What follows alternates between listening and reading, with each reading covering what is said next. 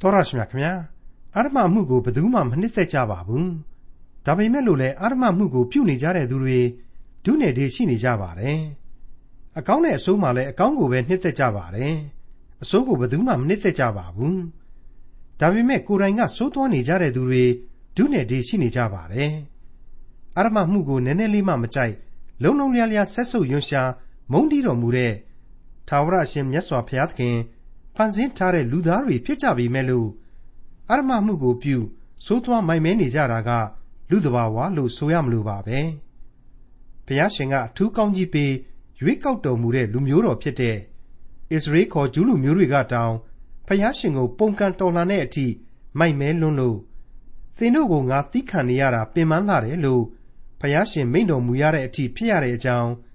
ခရိယန်တမန်ကျမ်းရဲ့ဓမ္မဟောင်းကျမ်းပိုင်းတွေကဟေရှာယအနာဂတ်ကျမ်း အခန်းကြီး1အခန်းငယ်9ကနေအခန်းငယ်18အထိကိုဒီကနေ့သင်သိရတော့တမချန်းအစီအစဉ်မှာလေ့လာမှာဖြစ်ပါတယ်။ဒါပေမဲ့ဘုရားရှင်ကတော့မေတ္တာတော်မပြတ်မယွင်းနဲ့ရှိနေစေဖြစ်တော်မူပြီးသင်တို့အဖြစ်သည်ဤသောအဆင်းရှိတော်လဲမိုးပွင့်ကဲ့သို့ဖြူလိမ့်မည်။ဂရီဘာနီနှင့်အမျှဤတော်လဲသုံးမွေးကဲ့သို့ဖြစ်လိမ့်မည်လို့မိန့်တော်မူထားတဲ့ဟေရှာယအနာဂတ်ကျမ်းအခန်းကြီး1အခန်းငယ်9ကနေ အခန်းငယ်18အထိကိုဒေါက်တာထွန်းမြတ်ရေးကအခုလိုရှင်းလင်းဖော်ပြထားပါတယ်။သင်သိရသောသမာကျမ်းရဲ့မိတ်ဆွေတော်တတ်ရှင်အပေါင်းတို့ခမညာပြီးခဲ့တဲ့သင်ခန်းစာတွေအရကောင်းကင်မုန်ရှင်အဖဖျားသခင်ဟာသူဖန်ဆင်းထားတဲ့လူသားများကိုသားသမီးတွေလို့ပဲသဘောထားတယ်။သူ့ရဲ့အမိန့်တော်နဲ့မြေတပြင်လုံးကိုနှံပြသွားစီပြီးတဲ့နောက်ပိုင်းမှာဣသရေလဆိုတဲ့လူမျိုးတော်ကိုဓမ္မသမိုင်းစင်မြင့်ပေါ်မှာတော်ကောက်ရွေးချယ်ပြီးတော့အဲ့ဒီလူမျိုးတော်အပေါ်မှာသီးသန့်ကောင်းကြီးတွေပေးခဲ့တယ်။ ကျွန်ဘဝကနေလွတ်မြောက်စေပြီးတဲ့နောက်ပိုင်းမှာခါနန်ဆိုတဲ့နို့နဲ့ပြားရည်စီးဆင်းရအရက်ကိုအမွေပေးခဲ့တယ်။အဲ့ဒီလိုအမွေပေးခဲ့တုန်းကမောရှေဆိုတဲ့သူချစ်သောပရောဖက်စီရေးနိုင်ငံရေးခေါင်းဆောင်ကြီးကနေတစ်ဆင့်မင်းတို့ငါစကားကိုနားထောင်ကြပါမင်းတို့ကိုအဲ့ဒီခါနန်ဆိုတဲ့ဒေသမှာနိုင်ငံတော်တည်ခွင့်ကိုငါပေးမယ်ဆိုပြီးတော့ကောင်းကင်နဲ့မြေကြီးကိုတက်သေးထားပြီးတော့ဣသရေလလူမျိုးတော်ကိုကောင်းကြီးပေးခဲ့တယ်အဲ့ဒီလိုအခိုင်အမာတက်သေးထားပြီးတော့အမွေမြေပေါ်မှာ သူကျွေးမွေးပြုစုခဲ့တဲ့ဣသရေလဟာနောက်နှစ်ပေါင်း900ကျော်လောက်အချိန်ကိုရောက်တဲ့အခါမှာတော့အပြစ်ဒုစရိုက်တွေအမျိုးမျိုးပြုတ်ခဲ့ပြီးတဲ့နောက်ဘုရားသခင်ကိုတောင်ပြန်ပြီးတော့ပုံကန်ထောင်ထားခြားနာတဲ့အဆင့်အထိမိုက်မှားကုန်ခဲ့ကြပြီ။ဒါကြောင့်မလို့အဲ့ဒီအပြစ်ဒုစရိုက်တွေအမျိုးစုံအတွက်စွဲချက်တွေကိုအဖဖျားသခင်ဟာပရောဖက်ဟေရှာယဆိုတဲ့ပုဂ္ဂိုလ်ကြီးကနေတဆင့်စွဲဆိုနေပြီဆိုတာတွေ့ကိုကျွန်တော်တို့တင်ပြခဲ့ပါတယ်။အခုကျမ်းမှာဆိုရင်ဖြင့်အတိတ်ကာလကကောင်းကင်နဲ့မြေကြီးကို မြေကြီးရှေ့မှောက်မှာသူချထားပေးခဲ့တဲ့မြေပေါ်ကနေပြီးတော့အပြစ်ပေးမလို့နှင်ထုတ်ပြစ်မလို့စိုင်းပြင်းနေပြီဆိုတဲ့ယဉ်နှင်းပွဲဖြစ်စဉ်တို့အကြောင်းတွေကိုကျွန်တော်တို့စတင်ကြားနာခဲ့ကြရပါတယ်ဟုတ်ပါတယ်အခုအဲ့ဒီလိုအပြစ်ပေးဖို့ရန်စွဲဆိုတာကိုလေအဖဖျားသခင်ဟာသောင်းတိုင်ကကြားစီသာဆိုတဲ့စကားအတိုင်းပဲဩကာသလောကကြီးတစ်ခုလုံးကိုကြားသိစေဖို့ရန်အလိုတော်ရှိတယ်ကျွန်တော်မိษွေတို့ကိုကြားနာစေခြင်းတယ် မြင်စေခြင်းတယ်ဆိုတာတွေ့ကိုကျွန်တော်အလေးနဲ့ပြုဖော်ပြပေးခဲ့ပြီးဖြစ်ပါတယ်မိษွေ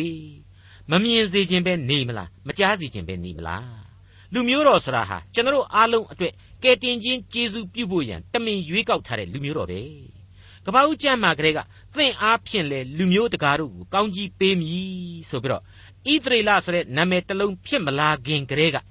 သရေလရဲ့ဘိုးလောင်းတော်အာဗြဟံအားဖြင့် ဘုရားသခင်ဟာဗြိညင်ပြုခဲ့ပြီးပြီဆိုတာကိုကျွန်တော်တို့သေချာစွာမှတ်သားထားဖို့လိုပါတယ်ဒါကြောင့်မလို့တိုက်ရိုက်ဆွဲချက်တင်ခြင်းသည်ဣသရေလအတွက်ဖြစ်တယ်။ဒါပေမဲ့သူ့ဖန်ဆင်းခံတလောကလုံးဟာလေဒီဖြစ်စဉ်တို့ကိုကြည်မြင်ကြရမယ်။အားလုံးရှေ့မှောက်မှာသက်သေတည်ရစေရမယ်ဆိုတဲ့အချက်ကိုကျွန်တော်တို့ဘယ်လို့မှမေ့ထားလို့မရနိုင်ပါဘူး။ယေရုရှလင်မြို့မှာစ၍ယူဒပြည်နှင့်ဆိုင်သောဗျာဒိတ်တော်ကိုခံရသည်မှာထာဝရဘုရားမိန့်တော်မူသည်ဖြစ်၍ အိုကောင်းကင်ကြားလော့။အိုမြေကြီးနားထောင်လော့။မိန့်တော်မူချက်ဟူမူကားငါကြွေးမွေးပြုစုသောသားသမီးတို့သည်ငါကိုပုန်ကန်ကြပြီတဲ့မိတ်ဆွေအဲ့ဒီလိုပုန်ကန်တယ်ပုန်ကန်တယ်ဆိုပြီးပြောနေတဲ့အခါမှာတော့စဉ်းစားစရာအကြောင်းရှိလာပါလေပုန်ကန်တယ်ဆိုတာဟာလက်နဲ့ဆွဲကင်မှပုန်ကန်ရာရောက်ပါသလားမဟုတ်ပါဘူးဖျားသခင်ကိုသူတို့မေ့လျော့ကြောခိုင်းတယ်အဖေကျေးဇူးကိုကျေးဇူးမှန်မသိ အခြားသောနတ်ဖျားတွေကိုပြောင်းလဲကိုးကွယ်တယ်ရှေးကာလလျောက်ချထားပေးခဲ့တဲ့ပြည့်ညတ်တော်တွေကိုကြပြောင်းကြပြန်လုပ်ဖြစ်တယ်။အဲ့ဒါတွေဟာမဟာမဟာအပြစ်ကြီးတွေပဲပုန်ကန်မှုကြီးတွေထဲမှာအဆိုးဆုံးပုန်ကန်ခြင်းတွေပဲဒါတွေကိုဓမ္မရာဇဝင်တွေမှာကျွန်တော်တို့ပြန်ဖတ်ကြည့်ရင်ယဉ်နှင်းပွေသောပြက်သုံးခြင်းတွေအဖြစ်ဣသရေလသမိုင်းဟာကွင်းကွင်းကွက်ကွက်ဖော်ပြသွားမှာဖြစ်ပါတယ်မိษွေတို့အနေနဲ့အတိတ်သင်ခန်းစာတွေကိုပြန်လှန်ဖတ်ရှုဖို့ရန်လေကျွန်တော်တိုက်တွန်းအားပေးခြင်းပါတယ် ဒီအကြောင်းတွေကိုကျွန်တော်တို့အနေနဲ့အတိတ်သင်ခန်းစာတွေမှာသင်သိရသောသမာကျမ်းအဖွဲ့အနေနဲ့တခန်းတနာလေ့လာခဲ့ကြပြီဖြစ်ပါတယ်ဖော်ပြခဲ့ပြီဖြစ်ပါတယ်အဲ့ဒီလိုပုံကန်ခြင်းဟာဘလောက်အထိအဆင့်နှိမ်ပါသွားရတယ်ဓမ္မသမိုင်းကပ္ပသမိုင်းမှာဘလောက်အထိအကြီးတန်းအယုတ်ဆိုးသွားစေခဲ့တယ်ဆိုတာတွေ့ကိုအခုလိုအနှစ်ချုပ်ဖော်ပြပေးခဲ့ပြီးပြီလည်းဖြစ်ပါတယ်နွားတော်လည်းမိမိအရှင်ကိုသိ၏မြဲတော်လည်းမိမိသခင်၏မြဲဆောင်ကိုသိ၏ဣသရေလအမျိုးတို့မူကားအမျိုးသားတို့မူကားငါ့ကိုမသိကြ ငါ၏လူမျိုးမူကားမစင်ကျင်တတ်ပါတကားဆိုးရုပ်သောအမျိုးဒုစရိုက်ဝန်ကိုထမ်းရွက်သောလူစုမတရားသဖြင့်ပြုသောအနွယ်ဖောက်ပြန်သောသားသမီးပါတကားထာဝရဘုရားကိုစွန့်ကြပြီဣသရေလအမျိုး၏တန်ရှင်းသောဘုရားကိုမယိုမသေးပြု၍ပယ်ကြပြီကြောခိုင်း၍ခွာသွားကြပြီတဲ့မိတ်ဆွေလူဟာမြောက်ကနေဆင်းသက်တယ်လို့ပြောလို့ပြောလူဝန်ကြီးတွေဟာ လူဝန်ကြီးတွေလိုတတ္တဝါကြီးတွေကနေလူဖြစ်လာတဲ့ဆိုလိုဆိုပြီးတော့လူဟာတရိษံကနေတိုးတက်လာပါတယ်ဆိုပြီးတော့တချို့သိပ္ပံပညာရှင်တွေဟာအတီပေါက်ကြီးတွေနဲ့ဖော်ပြကြပါတယ် Big Bang Theory of Evolution တဲ့တချို့ကြတော့လေပင်လယ်ကနေပြီးတော့လူတက်ဖြစ်တယ်ဆိုပဲပင်လယ်တွေက unicellular organism ဖြစ်တဲ့ရေအမီဘာလို့ခေါ်တဲ့အကောင်ငယ်ကလေးတွေကနေမှတဆင့်တရွေ့ရွေ့လူဖြစ်လာတယ်တိုးတက်လာတယ်ဆိုပြီးတော့တင်ပြကြတာတွေဟာလေအများကြီးရှိပါသေးတယ် ကျွန်တော်မိษွေတို့အနေနဲ့တရိษံယုံကမြောက်တွေလူဝန်တွေကိုတွားပြီးတော့ဘိုးဘေးဘီပင်တွေအဖြစ်အလေးသွားသွားပြုရမယ်သဘောပေါ့အဲ့ဒီရေရဖြစ်တဲ့အမီဘာတို့လူဝန်တို့မြောက်တို့ကိုကျွန်တော်တို့ကရိုးရိုးသေးသေးဆက်ဆံရမယ်သဘောမျိုးဖြစ်နေပြီပေါ့အခုဘုရားသခင်ကတော့လူသားကိုသူဖန်ဆင်းတယ်အခြားတတ္တလောကကိုအုပ်ဆိုးစေတယ်လို့ပြောပါတယ်ဒါပေမဲ့သူ့ကိုပုံကန်ရင်တော့အဲ့ဒီတိရစ္ဆာန်လောက်တောင်မှဟန်မကြတဲ့သဘောမျိုးရောက်သွားလိမ့်မယ်ဆိုတာကိုရှင်းရှင်းပြပြသားသားပဲဖော်ပြလိုက်ပါပြီဘယ်နဲ့ရှိစား တရိษံကနေလူအဖြစ်တိုးတက်လာနိုင်တယ်ဆိုပြီးတော့နှုတ်ကပတ်တော်ဟာဘယ်နေရာမှမဖော်ပြခဲ့ပါဘူးဒါပေမဲ့ဘုရားသခင်ကိုတော်လှန်ပုန်ကန်တဲ့ဤအားဖြင့်တော့လူတွေကနေပြီးတော့တဖြည်းဖြည်းတိရစ္ဆာန်လူဖြစ်ကုန်နိုင်တယ်ဆိုတာကိုတော့ရှင်းနေအောင်ဖော်ပြပေးလိုက်ပါပြီမိษွေတော်တတ်ရှင်အပေါင်းတို့အဲ့ဒီလိုအုံနောက်ကြီးတွေကိုပိုင်ဆိုင်ပါလျက်နဲ့ဘုရားသခင်ကိုဆန့်ကျင်ဘက်ပြုတဲ့ဣသရေလတွေကိုစိုးရုပ်တဲ့အမျိုးဒုစရိုက်ဝန်ကိုထမ်းရွက်တဲ့လူစုမတရားသဖြင့်ပြုသောအနွယ် ဖောက်ပြန်သောသားသမီးများဆိုပြီးတော့ဘုရားသခင်ဟာစွဲဆူခဲ့ခြင်းဖြစ်ပါတယ်အဲ့ဒီလောက်အထိပြင်းထန်တဲ့စွဲချက်တွေရဲ့နောက်ဒီကနေ့သင်ခန်းစာတွေမှာတော့ဘယ်လိုဘယ်လိုဆက်လက်တွေ့မြင်ကြရအောင်မယ်ဆိုတာကိုဟေရှာယနဂတိကျမ်းအခန်းကြီး1အငယ်9မှ9အတွင်းမှာဆက်လက်ဖတ်ရှုကြည့်ကြပါအောင်စို့သူတို့ကိုအဘယ်သို့ဒဏ်ပေးရအောင်မည်နည်းအဘယ်သို့ထပ်၍ဆုံးမရအောင်မည်နည်းဥကောင်းသည်အနာတက်တက်ရှိနှလုံးသည်လည်းခွန်အားအရှင်မရှိ ခြေဘဝမှသည်ဥကောင်းတိုင်အောင်ကျမ်းမာခြင်းမရှိဆုတ်ရှသောအနာထိခိုက်၍ရောင်သောအနာရည်ရွယ်သောအနာတက်တက်ရှိ၏ထိုအနာများကိုမနှိမ့်မနေရအဝတ်နှင့်မစီရဖျောင်းစီနှင့်မပြော့စေရသေးတင်တို့ပြည်သည်လူစိတ်ညံလျက်ရှိတင်တို့မြို့များကိုမိလောင်ပြီးသင်တို့မြေကိုလည်းတကြွတနိုင်ငံသားတို့သည်သင်တို့မျက်မှောက်၌စားကြ၏ရန်သူဖြက်ပြီးတကဲ့သို့လူစိတ်ညံလျက်ရှိ၏ဟုတ်ပါတယ်မိတ်ဆွေ ကျွန်တော်ပြောခဲ့တဲ့အတိုင်းပဲမြောက်ဖက်ကနှစ်ချမ်းခွဲဣသရေလဆိုတာကြီးကတော့လူမိုက်ဘရင်ကြီး16ပါးတိတိတက်အုပ်ချုပ်ခဲ့ပြီးတဲ့နောက်ပိုင်းမှာအခုဟေရှာယအနာဂတိကျမ်းမတိုင်ခင်နှစ်ပေါင်း100ကျော်ကလေးက Assyrians တွေလက်အောက်ကိုရောက်သွားနှင်ခဲ့ပြီးပါပြီအခုဘုရားသခင်ဆွဲချက်တင်နေတဲ့ယူဒနိုင်ငံမှာကတော့ဘရင်အပား20ပါဝင်တဲ့မင်းဆက်ကြီးနဲ့ခရီးဆက်ပြီးတော့နှင်ခွင့်ရှိနေပါသေးတယ်။ဒါပေမဲ့ဖျားသခင်ကိုမေ့လျော့ကြောခိုင်းခြင်းတွေနိုင်ငံရေးအရာရက်ဆက်ကြမ်းကြုတ်မှုတွေ အကျင့်စာကဖောက်ပြန်မှုတွေနဲ့ယူရပြည်ဟာလည်းပြည့်နှက်နေပြီဖြစ်ပါတယ်။အပား20သောမင်းဆက်ထဲမှာ15ပါးတို့ဟာဘုရားသခင်ရှိတော်မှောက်မှာမကောင်းမှုတွေကိုအကြီးအကျယ်ကျူးလွန်ခဲ့ကြတယ်။လူမျိုးတော်ဟာလည်းအများစုဖောက်ပြန်ပျက်စီးလမ်းလွဲနေကြပြီဆိုတာကိုဒီဖော်ပြချက်တွေအရာတက်တည်တင်ပြလိုက်ပါတယ်ဇီးအောင်တို့သမီးသည်လည်းစပြည့်ဥယျာဉ်၌တဲကဲ့သို့၎င်းသခွားတောင်ယာ၌လင့်စဉ်ကဲ့သို့၎င်းရန်သူဝိုင်းသောမြို့ကဲ့သို့၎င်းကြံရစ်လေ၏ ကောင်းကင်ဘိုးကြီးအရှင်ထာဝရဘုရားသည်ငါတို့၌အနည်းငယ်မျှကျွင်းစေတော်မမူလျင်ငါတို့သည်သောတုံမြို့ကဲ့သို့ဖြစ်၍ဂေါမောရမြို့နှင့်တူကြပြီအခုဟေရှာယရဲ့ခေတ်မှာဘယင်ဟာဟေဇကိဘယင်ဖြစ်ပါတယ်သူသူဟာဘုရားသခင်ကိုသိတဲ့ဘုရင်မင်းမြတ်တစ်ပါးဖြစ်ခဲ့ပါတယ်မင်းကောင်းမင်းမြတ်တစ်ပါးပါအဲ့ဒီလိုပါပဲဘုရားသခင်ကိုနှစ်နှစ်ကာကာချစ်တဲ့သူတွေလည်းအ ਨੇ အကျေးရှိနေပါသေးတယ်အဲ့ဒီလိုသာယုံကြည်ကိုးကွယ်တဲ့လူတစုမရှိရင်တော့ခက်ပြီ ယေရုရှလင်နဲ့ယူဒာဆရာဟာတစ်ချိန်ကသောတုံနဲ့ဂေါမောရလူဖြစ်တာကြာပြီအဲ့ဒီလိုဟေရှာယမှတဆင့်ဗျာဒိတ်တော်ပေါ်ထွက်လာပါတယ်ဟေရှာယအနာဂတိကျမ်းအခန်းကြီး1အငယ်30နဲ့7သောတုံမြို့ကိုအစိုးရသောမင်းတို့ထာဝရဘုရား၏နှုတ်ကပတ်တော်ကိုကြားကြလော့ဂေါမောရမြို့သားတို့ငါတို့ဘုရားသခင်တရားတော်ကိုနားထောင်ကြလော့ထာဝရဘုရားမိန့်တော်မူသည်ကားသင်တို့ပူဇော်သောရစ်အများကိုငါသည်အဘယ်သို့ဆိုင်သနည်း မိရှို့၍ပူဇော်သောသိုးကောင်စူဖြိုးအောင်ကျွေးသောတိရစ္ဆာန်တို့၏စီးဥနှင့်ငါဝပြီသိုးနှင့်သိုးတငယ်စိတ်တို့၏အသွေးကိုငါမနှစ်သက်ဟေရှာယဟာဘုရားသခင်ရဲ့ဗျာဒိတ်တော်ကိုဆင့်ဆိုရမှာပို့ပြီးတော့ကြေလောင်စွာဟစ်អော်လိုက်တဲ့အသံပါပဲသောတုံနဲ့ဂေါမောရမြို့သားအစိုးရမင်းတို့နားထောင်ကြကြားကြလောတဲ့မချစ်မရဲអော်လိုက်တဲ့အသံမိတ်ဆွေ ဒီအချက်ဟာဘုရားသခင်ရဲ့အမျက်တော်ဟာဘလောက်အထိကြီးမားလေးလံနေတယ်ဆိုတာကိုသိသာစေပါတယ်သိအရေးကြီးနေတာကတော့မင်းတို့ရဲ့ရစ်ပူဇော်ခြင်းတွေကိုငါလုံးဝမလိုချင်ဘူးဆိုတဲ့ပြတ်သားလာတဲ့အချက်ပါပဲငါနဲ့မဆိုင်ဘူးငါဝပြီတဲ့ယို့ဤနေပြီစိတ်ကုန်နေပြီဆိုတဲ့အချက်ကိုဖော်ပြလိုက်ခြင်းဖြစ်ပါတယ်ဟုတ်ပါတယ်ဖျားသခင်ဟာဒီလူမျိုးတော်ရဲ့ထုံးစံရှိလို့သာလုပ်နေကြတဲ့အမှုဟန်ဆောင်ပန်ဆောင်အမှုတွေကိုလက်မခံနိုင်ဘူး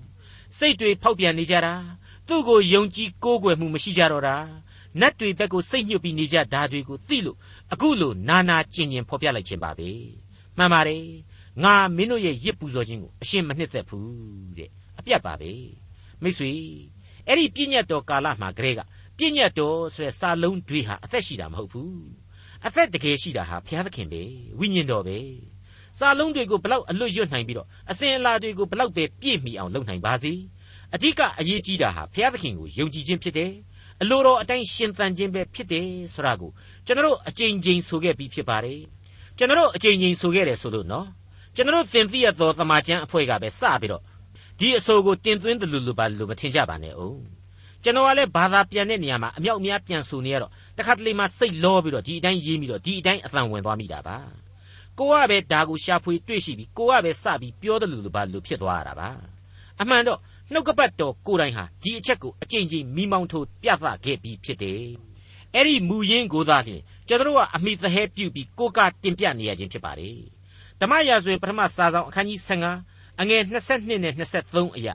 ရစ်ကိုသာဖိပြီးတော့ပူဇော်နေတယ်။ရစ်ပူဇော်ဖို့ကိုကြီးပဲပြောနေတယ်။အာယုံစိုက်နေတယ်။ဘုရားသခင်စကားကြတော့နားမထောင်ဘူး။အလိုတော်ကိုမလိုက်နာခဲ့ဘူးဆိုတဲ့ရှောလူဘရင်ကြီးအတွက်ရစ်ပရောဟိတ်ကြီးရှမွေလဟာအခုလိုအတိအလင်းဆိုခဲ့ပါတယ်။ ထာဝရဘုရား၏အမိန့်တော်ကိုနားထောင်ခြင်း၌အာရတော်မူတဲ့ကဲ့သို့မိရှုရာရစ်အစရှိသောရစ်မျိုးတို့ကိုပူဇော်ခြင်း၌အာရတော်မူမည်လောအလိုတော်သို့လိုက်ခြင်းသည်ရစ်မျိုးတဲ့သာ၍ကောင်း၏နားထောင်ခြင်းသည်သိုးဒီစီဥတဲ့သာ၍ကောင်း၏ညင်းဆန်သောသဘောသည်နတ်ဆိုးနှင့်ပေါင်းခြင်းကဲ့သို့၎င်းခိုင်မာသောသဘောသည်ဘေးတင်တစားကိုသုံးခြင်းကဲ့သို့၎င်းအပြစ်ကြီး၏သင်သည်ထာဝရဘုရား၏စကားတော်ကိုပယ်သောကြောင့် ထာဝရဘုရားသည်ရှင်ဘရင်အရာကိုနှုတ်၍သင်ကိုပယ်တော်မူပြီဟုဆို၏အဲ့ဒီတိုင်းပါပဲ50ခုမြောက်သောဆာလံတီချင်းရဲ့အငယ်15ကနေ18အတွင်းမှာ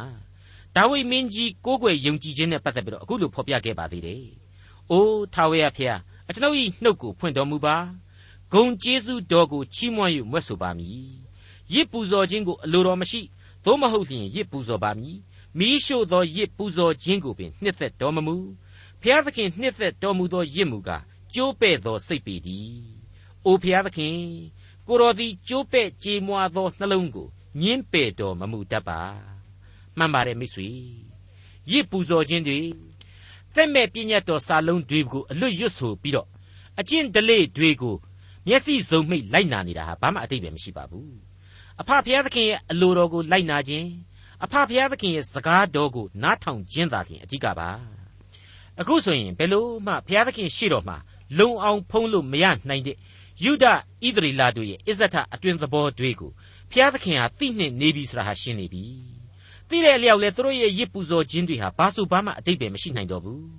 ဖျားသခင်အတွက်နှစ်သက်စရာဘာမှမရှိနိုင်တော့ဘူးဆိုတာကိုဟေရှာယမှတဆင့်ဗျာဒိတ်တော်ချထားပေးလိုက်တယ်ဆိုတာဟာပေါ်လွင်နေပါပြီ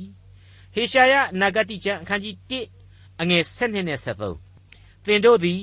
ငါရှိမှမျက်နှာပြခြင်းဟာလာကြသောအခါငါတိုင်းတော်ကိုကြော်နှင်းသောသင်တို့၌ထိုသို့သောဝတ်ကိုအဘယ်သူတောင်းသနည်းအချီးနှီးသောပူဇော်သက်ကာကိုနောက်တဖန်မဆောင်ခဲ့ကြနှင့်သင်တို့မိရှုသောနတ်သားပေါင်းကိုငါယွန်ရှာ၏လာဇန်နေဥပုပ်နေပရိသတ်စည်းဝေးသောနေ့ကိုလည်းယွန်ရှာ၏အရမအမှုနှင့်ရောနှောသောဓမ္မစည်းဝေးခြင်းတို့ကိုသီးမခံနိုင်အံ့ဩစရာကောင်းလိုက်တာမိတ်ဆွေ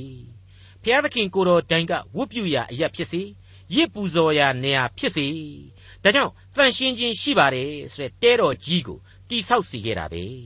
အဲ့ဒီအထဲမှာမှဗြိညင်တစ်တာတော်နဲ့အသန့်ရှင်းဆုံးဖြစ်တဲ့ငါကျင်းဝတ်တော်မူရာပလင်ဖြစ်စေတည်းဆိုပြီးတော့အမိန့်ချခဲ့ဓာတ်တွေကိုကျွန်တော်ပြန်ပြီးတော့သတိရအောင်မိဖို့ကောင်းလာပါတယ်အဲ့ဒီတဲတော်မှာအပြစ်ဖြေရာရစ်မိသဟာယာရစ်ဘောဇင်ပူဇော်တက်ကရစ်ချီလွဲသောပူဇော်တက်ကစတဲ့ပူဇော်ခြင်းတွေအမျိုးမျိုးကို ကိုတော်တိုင်တောင်းဆိုခဲ့တာပဲဆိုတာကိုလေသတိရအောင်မိခြင်းစရာပါပဲဒါပေမဲ့သူကိုယ်တိုင်ညွှန်ကြားခဲ့တဲ့အရာတွေကိုလုပ်နေတာကိုကသူကိုယ်တိုင်ကြည့်လို့မရခြင်းစရာတွေအဖြစ်ပြောင်းလဲကုန်ပြီဟုတ်တယ်ဘာဖြစ်လဲဆိုတော့ကိုယ်စိတ်နှလုံးသားစိတ်ဝိညာဉ်တွေကိုထည့်ပြီးတော့မပူဇော်ဘူးအဲ့ဒီခါမှာသိုးတွေစိတ်တွေနွားတွေနဲ့ပူဇော်ခြင်းဟာသွေးညှီစော်နမ်းမယ်ညှော်မယ်မဆလာကောင်းရင်မှွေမယ်တဲ့ဘာမှမထူတော့ဘူး အဲ့ဒီလိုအနှစ်သာရမရှိတဲ့ပူဇော်တာမျိုးနဲ့မိရှုတာလောက်ကတော့အဲ့ဒီရှေးခေတ်မှာလဲရှေးခေတ်အလျောက်ဆိုသလိုအေယာမမြို့တော်ကြီးတွေတဲကတရုတ်တန်းလိုနေရာမျိုးညာစေးတန်းလိုနေရာမျိုးနဲ့ပွဲစေးခင်းပြီးတော့စီးပွားရှာနေတဲ့နေရာမျိုးကလူတွေလဲလုံနိုင်ကြမှာကတော့ဧကန်အမှန်ပဲဖြစ်ပါတယ်အတ္တမအမှုနဲ့ရောနှောနေတဲ့ဓမ္မစည်းဝေးတဲ့ဒါလည်းရည်စရာကြီးဖြစ်မနေဘူးလားစီဝေးဒါကတော့ဓမ္မစီဝေးကြီးပဲဘုရားသခင်သတ်မှတ်ထားတဲ့ဥပုံနေ့လည်းမှန်တယ်လာဇန်းနေ့ဆိုရင်လည်းမမှားဘူး ဒါပေမဲ့တက်ရောက်သူတွေရဲ့အကြည့်တွေအကျင့်တွေအကြံတွေအကုန်လုံးဟာမှောက်မှောက်မှားမှားတွေကြီးပဲအကုန်လုံးကဘုရားသခင်ရှေ့တော်နဲ့မထိုက်တန်လောက်အောင်ညဉ့်ညမ်းနေတယ်အပြစ်သင့်နေပါတယ်ဒါကြောင့်မလို့မင်းတို့ကိုငါဗိမ္မာန်တော်တိုင်းတဲကိုဒီလိုစိတ်သဘောတွေနဲ့ဘသူဝင်ခိုင်းခဲ့ကြသလဲဘသူဝင်ခိုင်းသလဲအချင်းဤသောပူဇော်သက်ကာတွေကိုဘသူကပူဇော်ခိုင်းသလဲမင်းတို့ကငါဘယ်လို့မှသီးမခံနိုင်တော့ဘူးတဲ့ကျွန်တော်ကဒီနေရာမှာဘဝပြဲနေတဲ့ရှမာရိမိမတယောက်ကို ကယ်တင်ရှင်သခင်ခရစ်တော်ကိုယ်တော်တိုင်ဖော်ပြခဲ့တဲ့အချက်ကိုသွားပြီးတော့သတိရမိပါတယ်ရှင်ယောဟန်ခရစ်ဝင်ကျမ်းအခန်းကြီး၄အငယ်23နဲ့24မှာတွေ့နိုင်ပါတယ်ကိုးကွယ်သောသူမှန်သမျှတို့သည်ခမည်းတော်ကိုနံဝိညာဉ်နှင့်၎င်းသစ္စာတရားနှင့်၎င်းကိုးကွယ်ရမည်အချိန်ကာလသည်လာ၍ယခုပင်ရောက်လျက်ရှိ၏အကြောင်းမူကားထိုသို့ကိုးကွယ်သောသူတို့ကိုခမည်းတော်သည်အလိုရှိတော်မူ၏ဖျားသခင်သည်နံဝိညာဉ်ဖြစ်တော်မူ၏ဖျားသခင်ကိုကိုးကွယ်သောသူတို့သည်နံဝိညာဉ်နှင့်၎င်း သစ္စာနှင့်၎င်းကိုးကွယ်ရမည်ဟုမိန့်တော်မူ၏တဲ့မှန်ပါတယ်မိတ်ဆွေအပေါင်းတို့ကျွန်တော်ရဲ့မျက်မှောက်ခေအသင်းတော်တွေဟာခင့်နဲ့အညီအဖက်ဖက်ကတိုးတက်အောင်ပြုပြင်ပြောင်းလဲမှုတွေအမြောက်အများလုပ်နေကြပါတယ်အရေးအကြီးဆုံးကတော့ဝိညာဉ်ရေးတိုးတက်မှုစံနှုန်းဓာတ်အမြင့်ဆုံးစံချိန်ကိုရောက်အောင်ပြုပြင်ပြောင်းလဲဖို့ပဲဖြစ်ပါတယ်ဟေရှာယအနာဂတိကျမ်းအခန်းကြီး1အငယ်14ငါဝိညာဉ်သည်သင်တို့လာဇန်နေများနှင့် သင်တို့ပွဲများကိုမုံ၏ငါကိုနှောက်ယှက်เสียဖြစ်၏သီးခံခြင်းအဖြစ်ငါပင်ပန်း၏သင်တို့ရဲ့လာဇန်နေများရဲ့သင်တို့ရဲ့ဥပုပ်ပွဲများရဲ့ကိုငါမုန်းတယ်တဲ့အမှန်တော့ဘုရားသခင်ညွှန်ကြားခဲ့တဲ့ဥပုပ်ပွဲတွေဥပုပ်နေ့တွေပဲဒါပေမဲ့ဘုရားသခင်ကိုကြောခိုင်းပြီးတော့ပုံကန်နေတဲ့လူတွေလှုပ်တဲ့နေ့တွေပွဲတွေအဖြစ်အချိုးတွေဟာပြောင်းကုန်ပြီဘုရားသခင်ကိုဝတ်ပြုခြင်းမဟုတ်တော့တဲ့လူတွေရဲ့ပွဲတော်ကြီးတက်တက်တည်းအဖြစ်ကုန်ပြီဆိုတာဟာရှင်းနေပြီ မိတ်ဆွေဘုရားသခင်ကိုနာမည်သာခံထားတယ်ဘုရားသခင်ကိုအမှန်တကယ်ဝတ်ပြုကိုးကွယ်ခြင်းမဟုတ်ဘူးဆိုတဲ့ကသွားပြီပေါ့ဇာတိပဂရိလူဆိုတာဟာအပြစ်များလွန်မှန်သိလို့ဝိညာဉ်စိတ်ဓာတ်နဲ့ဘုရားသခင်ကိုချင်းကပ်ရတဲ့နေ့မျိုးဘုရားသခင်အတွက်သက်သက်အချိန်ပေးပြီးကျင်းပရတဲ့ပွဲတော်မျိုးမှာမှဘုရားသခင်ကိုဦးစားမပေးနိုင်ဘူးဆိုရင်အဲ့ဒီလူသားတွေရဲ့အခြေအနေတွေဟာဘလောက်အထိဆိုးနေပြီဆိုတာကိုခံမှန်းလို့ရနိုင်တော့ပါပြီ။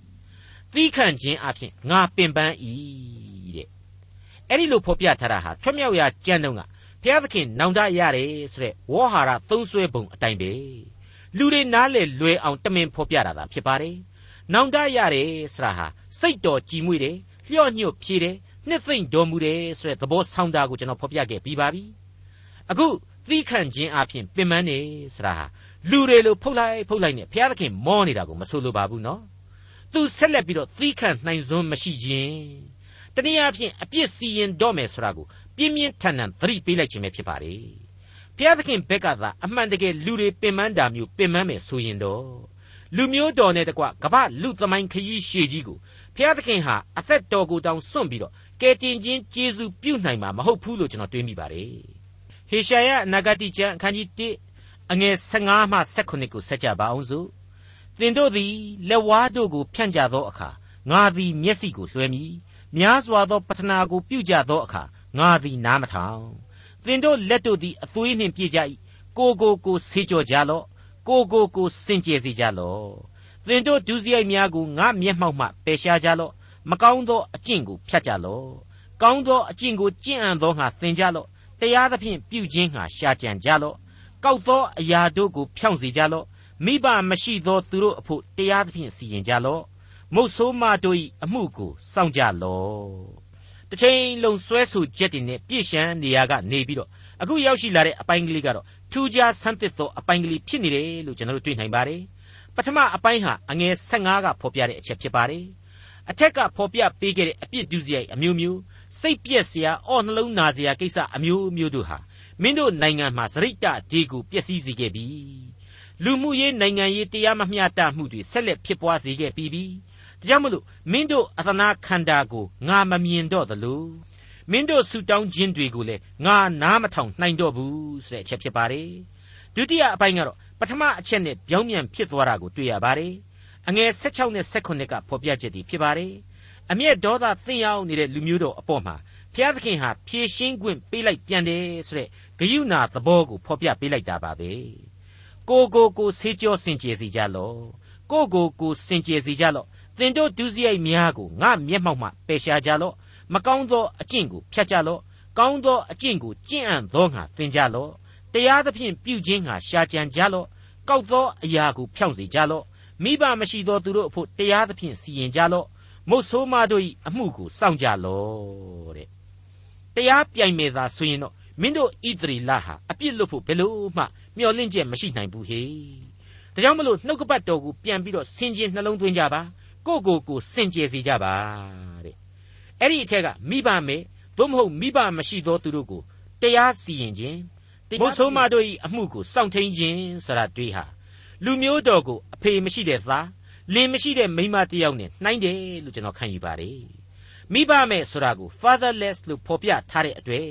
ဖခင်မရှိခြင်းကိုပို့ပြီးဆိုလိုတာဖြစ်တဲ့အတွက်ကြောင့်မလို့ဒီလိုခံယူတာဟာသဘာဝကျတယ်လို့ကျွန်တော်ယူဆပါတယ်မကြခင်မှာတွေ့ရမယ့်ကြမ်းတွေမှာလေဒီအကြောင်းတွေကိုဆက်ပြီးတော့ရှင်းလင်းပေးသွားပါအောင်မယ်ဒါကိုအခုဆက်ပြီးတွေ့ရတဲ့ဟေရှာယအနာဂတိကျမ်းအခန်းကြီး1အငယ်18ဟာအားဖြည့်သွန်လောင်ပေးလိုက်ပါတယ်ထာဝရဘုရားမိန့်တော်မူသည်ကားလာကြတရားစီရင်ကြကုန်အံ့သင်တို့အပြစ်သည်หนีသောအစဉ်ရှိတော်လေမိုးပွင့်ကဲ့သို့ဖြူလိမ့်မည် ဂရီပါနီနှင့်အမျှหนีတော်လေသိုးမွေးကဲ့သို့ဖြစ်လိမ့်မည်တဲ့မိတ်ဆွေအံ့ဩလို့မကုံနိုင်ပွဲသောမေတ္တာတော်ရဲ့သဘောကိုပြန်ပြီးတော့တွေ့ရစေပါတယ်ဟုတ်ပါတယ်လာကြတရားစီရင်ကြကုန်အံ့ဆိုတဲ့အချက်တစ်ခုတည်းနဲ့ကိုမေတ္တာတော်ဟာဘလောက်ကြီးတယ်ဆိုတာပေါ်လွင်လာပါတယ်အဲ့ဒါဟာဣသရေလဆိုတဲ့သူ့အင်မတန်ဆက်စုပ်ယွန်ရှာပါတယ်အော်နှလုံးနာပါပြီဆိုတဲ့အပြစ်လူအဖွဲ့အစည်းကိုဖိတ်ခေါ်သံမဲဖြစ်ပါတယ် ဆက်လက်ပြီးတော့လက်ကမ်းကြိုဆိုတဲ့သဘောဖြစ်ပါတယ်တိုက်တွန်းမှုလည်းပါဝင်နေပါတယ်အင်မတန်ယူရတဲ့တိုက်တွန်းမှုပါငါကိုပုံကန်တဲ့ငါကြွေးမွေးပြုစုခဲ့တဲ့သားသမီးတို့ရေလာကြဟေဒီကိစ္စကိုငါနဲ့အတူရှင်းကြပါစို့ဆိုတဲ့အသံပါပဲဟုတ်ပါတယ်အင်္ဂလိပ်ကတော့ let us reason together တဲ့ကဲဒေါသမုန်တိုင်းကြီးကြားတဲ့ကပွင့်ထက်လာတဲ့ပွင့်ထွက်လာတဲ့မေတ္တာတော်ရဲ့သဘောဟာဘလောက်ရှင်းသလဲမိတ်ဆွေအပေါင်းတို့ ဘုရားသခင်ဆိုတဲ့အကျွင့်မဲ့တကူအာနာနဲ့ပြည့်စုံသူအပေါ်မှာကျွန်တော်တို့ဟာချစ်ချင်းကြောက်ချင်းယိုသေးချင်းအပြည့်အဝရှိကြဖို့လိုပါလိမ့်မယ်လူမိုက်နောင်တနောင်မယာဆိုတာမျိုးအရှင်းမဖြစ်ထိုက်ပါဘူးပြည့်အစဉ်ပြင်မရဆိုတဲ့အဆင့်မျိုးကိုလည်းအရောက်မခံတိုက်ပါဘူးကိုဟာသူပြုသမျှနှုရသောသာမညောင်ညလူတ attva မျှတာဖြစ်တယ်သူအနည်းနဲ့ဘဝမှာလူဖြစ်ခွင့်ရနေခြင်းသာဖြစ်တယ်သူ့ကိုတိုးဝင်ချင်းကပ်ခြင်းပြတ်ဝတ်ကိုးကွယ်ခြင်းရှိကိုရှိကြလိမ့်မယ်လို့ကျွန်တော်ဆိုချင်ပါတယ် ကယ်တင်ရှင်သခင်ခရစ်တော်ဟာလူအချင်းချင်းကြားမှာအမှုငြိမ်းစေဖို့နဲ့ပတ်သက်ပြီးတော့အခုလိုရှင်မသက်ခရစ်ဝင်ကျမ်းမှာဆိုခဲ့တာရှိပါတယ်ရှင်မသက်ခရစ်ဝင်ကျမ်းအခန်းကြီး9အငယ်24နဲ့25အရာညီအကိုနှင့်သင့်တင့်ပြီးမှပြန်၍ပူဇော်သက်ကာကိုတင်လောတရားတွေ့ဘက်နှင့်အတူလမ်း၌သွားစဉ်တွင်ပင်သူ၏စိတ်ကိုပြေစေခြင်းဟာအလျင်အမြန်ပြုလောတဲ့အခုလူမျိုးတော်အဖို့ကတော့ဘုရားသခင်ကိုတော်တိုင်နဲ့တရားတွေ့ရတဲ့အမှုဖြစ်နေပါတယ် ဇာတိပဂရိကိုကိုးစားတတ်သူလူသားတိုင်းအဖို့တန်ရှင်းမြင့်မြတ်စုံလင်တော်မူသောအဖဘုရားသခင်နဲ့တနေ့နေ့တစ်ချိန်ချိန်မှာမလွဲမသွေတွေ့ကိုတွေ့ရတဲ့အမှုပဲဖြစ်တယ်လို့ကျွန်တော်ဆိုချင်ပါတယ်ဟုတ်ပါတယ်သူဟာကျွန်တော်တို့ကိုဖန်ဆင်းရှင်ကျွန်တော်တို့ကိုအသက်တာကိုအနှင်ထားသောအရှင်ကျွန်တော်၏အသက်တာမှာကျွေးမွေးပြုစုစောင့်ရှောက်သောအရှင်ဖြစ်တယ်လို့ကျွန်တော်တို့ကိုတရားစီရင်ဆုံးဖြတ်ပိုင်ခွင့်ရှိသောအရှင်လည်းဖြစ်နေပါတယ်သူပေးအပ်ထားတဲ့နောင်တနဲ့သူ့ကိုချင်းကပ်ကိုးကွယ်ခွင့် အပြစ်တရားမှကယ်တင်ခြင်းအခွင့်ကိုခရစ်တော်အားဖြင့်ရယူနိုင်ကြဖို့ရန်ဒီကနေ့ကျွန်တော်တို့အတွက်အလွန်အရေးကြီးလိုအပ်လှပါကြောင်းလေးစားစွာတင်ပြလိုက်ပါရစေကိုကိုကိုစေကြောကြလော့ကိုကိုကိုစင်ကြယ်စေကြလော့သင်တို့ဒုစရိုက်များကိုငါမျက်မှောက်မှပယ်ရှင်းကြလော့မကောင်းသောအကျင့်ကိုဖြတ်ကြလော့ကောင်းသောအကျင့်ကိုကျင့်အံ့သောငါသင်ကြလော့တရားသဖြင့်ပြုခြင်းငါရှာကြံကြလော့ကောက်သောအရာကိုဖြောင့်စေကြလော့ မိဘမရှိသောသူတို့အဖို့တရားသဖြင့်စီရင်ကြလော့မုတ်ဆိုးမတို့၏အမှုကိုစောင့်ကြလော့ထာဝရဘုရားမိန့်တော်မူသည်ကားလာကြတရားစီရင်ကြကုန်အံ့သင်တို့အပြစ်သည်ဤသောအစဉ်ရှိတော်လေမိုးပွင့်ကဲ့သို့ဖြူလိမ့်မည်ဂရီဘာနီနှင့်အမျှဤတော်လေသိုးမွေးကဲ့သို့ဖြစ်လိမ့်မည်ဒေါက်တာထွန်းမြတ်၏စီစဉ်တင်ဆက်တဲ့တင်ပြရတော်တမချန်းအစီအစဉ်ဖြစ်ပါတယ်နောက်တစ်ချိန်အစီအစဉ်မှာခရိယန်တမချန်းရဲ့